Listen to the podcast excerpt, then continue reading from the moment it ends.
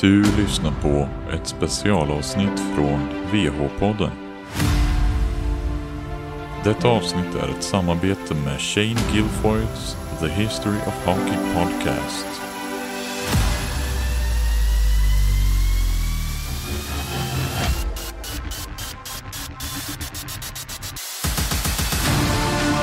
Evgeny coming down the middle, a shot, and it comes in over. He scores! He scores!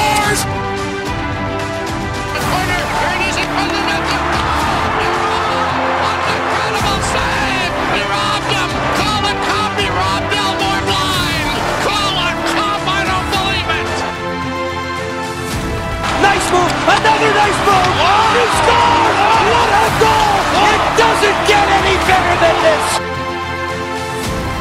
Now back Oh my. Back Oh my. Down goes Jorgensen. One punch, two punch. You're out of here. Den 10 juni 1996. Det var en måndag. När jag var liten tyckte jag att det var ganska häftigt att hålla mig uppe sent, långt förbi läggdags, för att se Colorado Avalanche vinna sitt första Stanley Cup-mästerskap. Det var ungefär klockan ett på natten när Uwe Krupp stod vid den blå linjen och slutligen pangade in det vinnande målet för Colorado.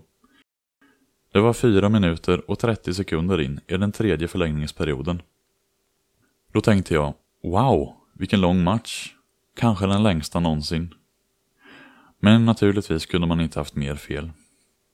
Någon riktig hockeynörd kommer berätta för dig att titeln för den längsta matchen någonsin faktiskt tillhör år 1936 upplaga av Detroit Red Wings och Montreal Maroons. Det var deras första match i slutspelet den 24 mars. Montreal Maroons var fjolårets vinnare och siktade på att upprepa historien. Red Wings hoppades bara på att komma till final. De hoppades att kanske skulle en seger dra staden Detroit ur sin nedgång. Staden hade fått rejält med stryk under den stora depressionen. Denna match skulle gå långt in på småtimmarna nästa morgon och tog nästan sex fulla övertidsperioder att slutföra. Matchens segrare skulle inte avgöras förrän Hector Kilrea matade en passning till Mud Modir Bronto som skulle sätta pucken i nätet för att äntligen bryta 0-0-ställningen. Målet skulle komma 16 minuter och 40 sekunder in i perioden. Återigen, den perioden var den sjätte övertidsperioden. Det är nästan tre hela matcher. Detta matchavgörande mål skulle hjälpa till att sätta Mud på hockeyradarn och Red Wings gick så långt att de skulle få lyfta lagets första Stanley Cup. De skulle besegra Toronto Maple Leafs efter tre vinster och en förlust. Och ja, det hjälpte faktiskt staden Detroit att må bättre när segern innebar tre stora mästerskap för staden på mindre än ett år. Baseballlaget Detroit Tigers vann World Series och Detroit Lions som vann NFL-titeln var de andra två. Men det är inte den här matchen vi ska prata om idag, eller Bronto, eller World Series, eller Lions. Detta avsnitt handlar om en match som hände tre år tidigare. Matchen som ursprungligen hade titeln som den längsta matchen och killen som avslutade det. Matchen har kallats för The Dorati Game. Det finns alltid en första att åstadkomma något riktigt stort. Ändå är det ofta, men inte alltid, men ofta den andra, tredje eller ännu senare händelsen som är mest ihågkommen. Något ännu större verkar överskugga ursprungshändelsen av ett antal skäl. Däribland, men inte bara, för att händelsen är bättre. Så det är det som leder oss hit, för att prata lite mer om den stora, och enligt mig den bättre, längsta slutspelsmatchen i NHL-historien. Året var 1933, den 3 april. Det var en måndag. Boston Bruins mötte Toronto Maple Leafs i match 5 i bästa av fem-serien i semifinalomgången av Stanley Cup-slutspelet. Den här matchen slutade inte förrän tisdagen den 4 april. Hittills hade serien varit otrolig. Bruins vann första matchen med 2-1 på övertid. Det avgörande målet kom 14 minuter och 14 sekunder in i första förlängningen. Toronto slog tillbaka i nästa match och jämnade ut matchserien i den andra matchen och vann med 1-0 på övertid. Den här gången kom avgörandet efter 15 minuter och 3 sekunders förlängning. Boston återtog ledningen i match 3 när de vann igen med 2-1. Skulle du bli chockad om jag sa till dig att den här matchen också slutade på övertid? Det gjorde den, såklart.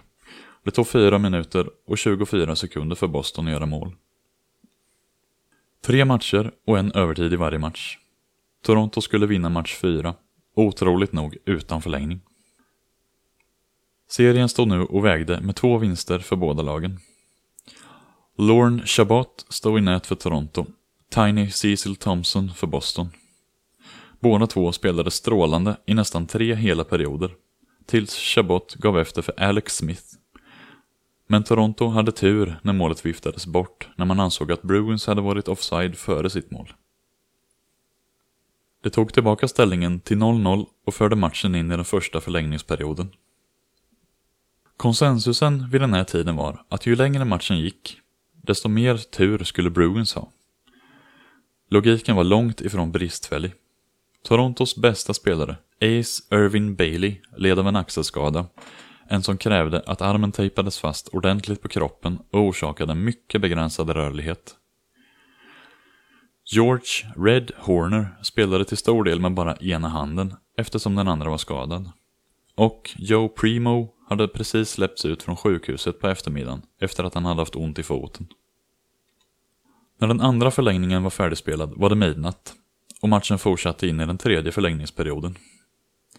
Otroligt nog lämnade supportrarna inte arenan. Rapporter i morgontidningarna som anlände kom från Torontos publicist Ed Fitkin. Efter en natt som denna är det två saker som sticker ut.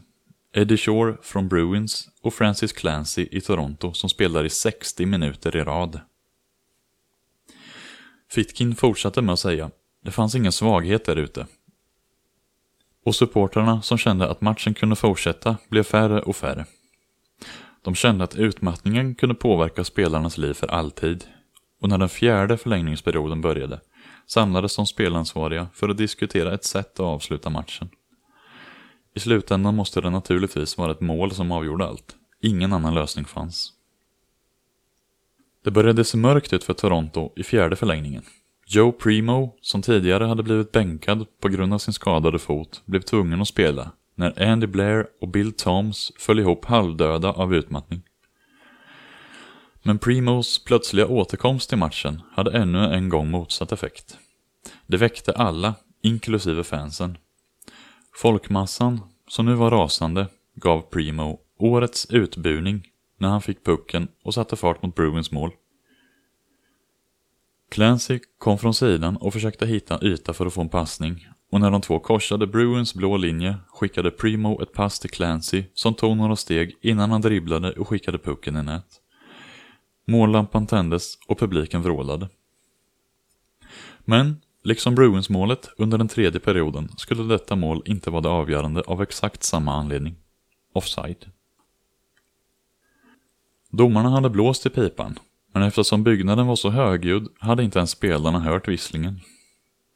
Efter att allt hade lugnat ner sig och domarna förklarat anledningen till att målet dömdes bort och fått motstå burop fick domarna alla att fortsätta matchen. Den fjärde övertidsperioden skulle fortsätta och sluta med samma resultat som innan. Och en femte period kom. Efter periodens slut, Conn Smythe, ägare av Maple Leafs, imponerades av Bruins tränare och chef Art Ross. På samma sätt som domarna tidigare hade samlats för att räkna ut det bästa sättet att avsluta matchen, så gjorde också Smythe och Ross ett försök. De bestämde att de skulle singla slant för att avgöra vinnaren. Japp, i matchen som skulle avgöra vem som vann serien och gick vidare till Stanley Cup-final ville de singla slant. Man kan bara skaka åt huvudet åt det här, men det enda de gjorde korrekt var att höra med sina spelare om vad de tyckte om idén. Speciellt Toronto blev som tokiga när Smythe föreslog idén. Harold Cotton ropade att han inte skulle bli slagen av något jävla mynt och, ännu viktigare, NHL skulle aldrig gå med på det. Det hade varit som ett dåligt skämt. Och han hade rätt. På plats var ligapresidenten Frank Keller. Han sa Bra försök, men detta kommer att fortsätta för evigt om det behövs. Så matchen fortsatte. Den femte övertiden var ganska lik föregående period. Och återigen trodde Toronto att de hade tagit segern ur Bruins händer.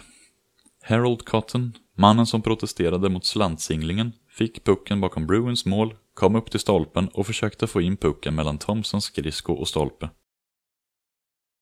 Bruins hade ingen större lust att förlora matchen, så de försökte flyga på Cotton. Visselpipan blåste och Cotton stod och protesterade. Domarna hade blåst av spelet, men Cotton sa att han hade gjort mål. Och inte hade han bara gjort mål, utan han hade sett att en Bruins-spelare drog tillbaka pucken över mållinjen och ut ur målet. Men på den här tiden, utan fördelen med högupplösta repriskameror, trodde inte domarna på Cotton. Matchen stod fortfarande 0-0 och den femte förlängningsperioden slutade. När den sjätte övertiden kom hade båda lagen nästan inte haft någon annan taktik än försvar.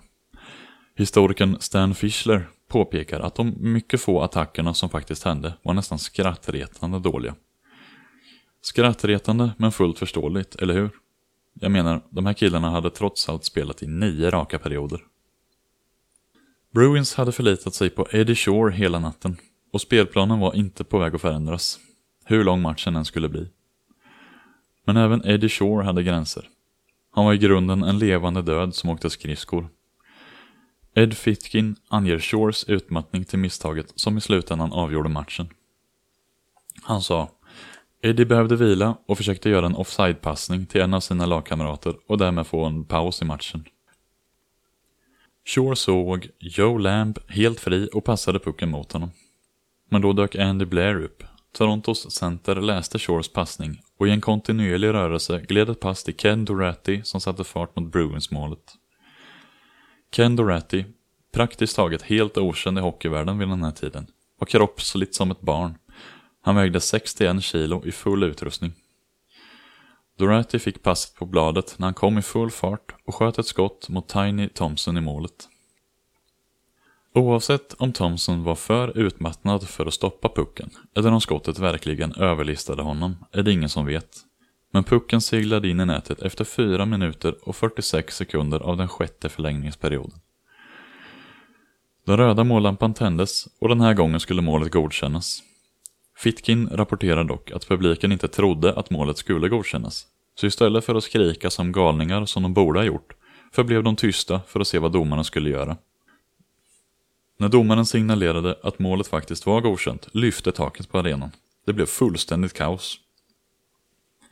Det var jubel, dans, spelprogram som regnade ner på isen, hattar kastades iväg. Toronto hade vunnit matchen och avancerat till Stanley Cup-finalen. Vilken tur att de inte avgjorde matchen med att singla slant. Matchen avslutades klockan 1.55 på natten, tisdagen den 4 april och Ken Doratty blev en nationell kändis. Även om rekordet för den längsta matchen bara skulle stå sig i tre år är vilken match som är bättre en fråga om personlig åsikt. Jag håller med Doratty som skulle vara den första som hävdade att hans mål var mer minnesvärt än Brontos av flera anledningar.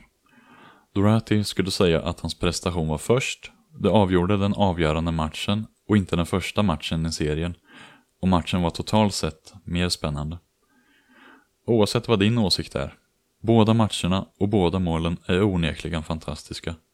Du spelar inte nästan nio perioder i rad utan att du förtjänar den titeln. Tack för att ni har lyssnat.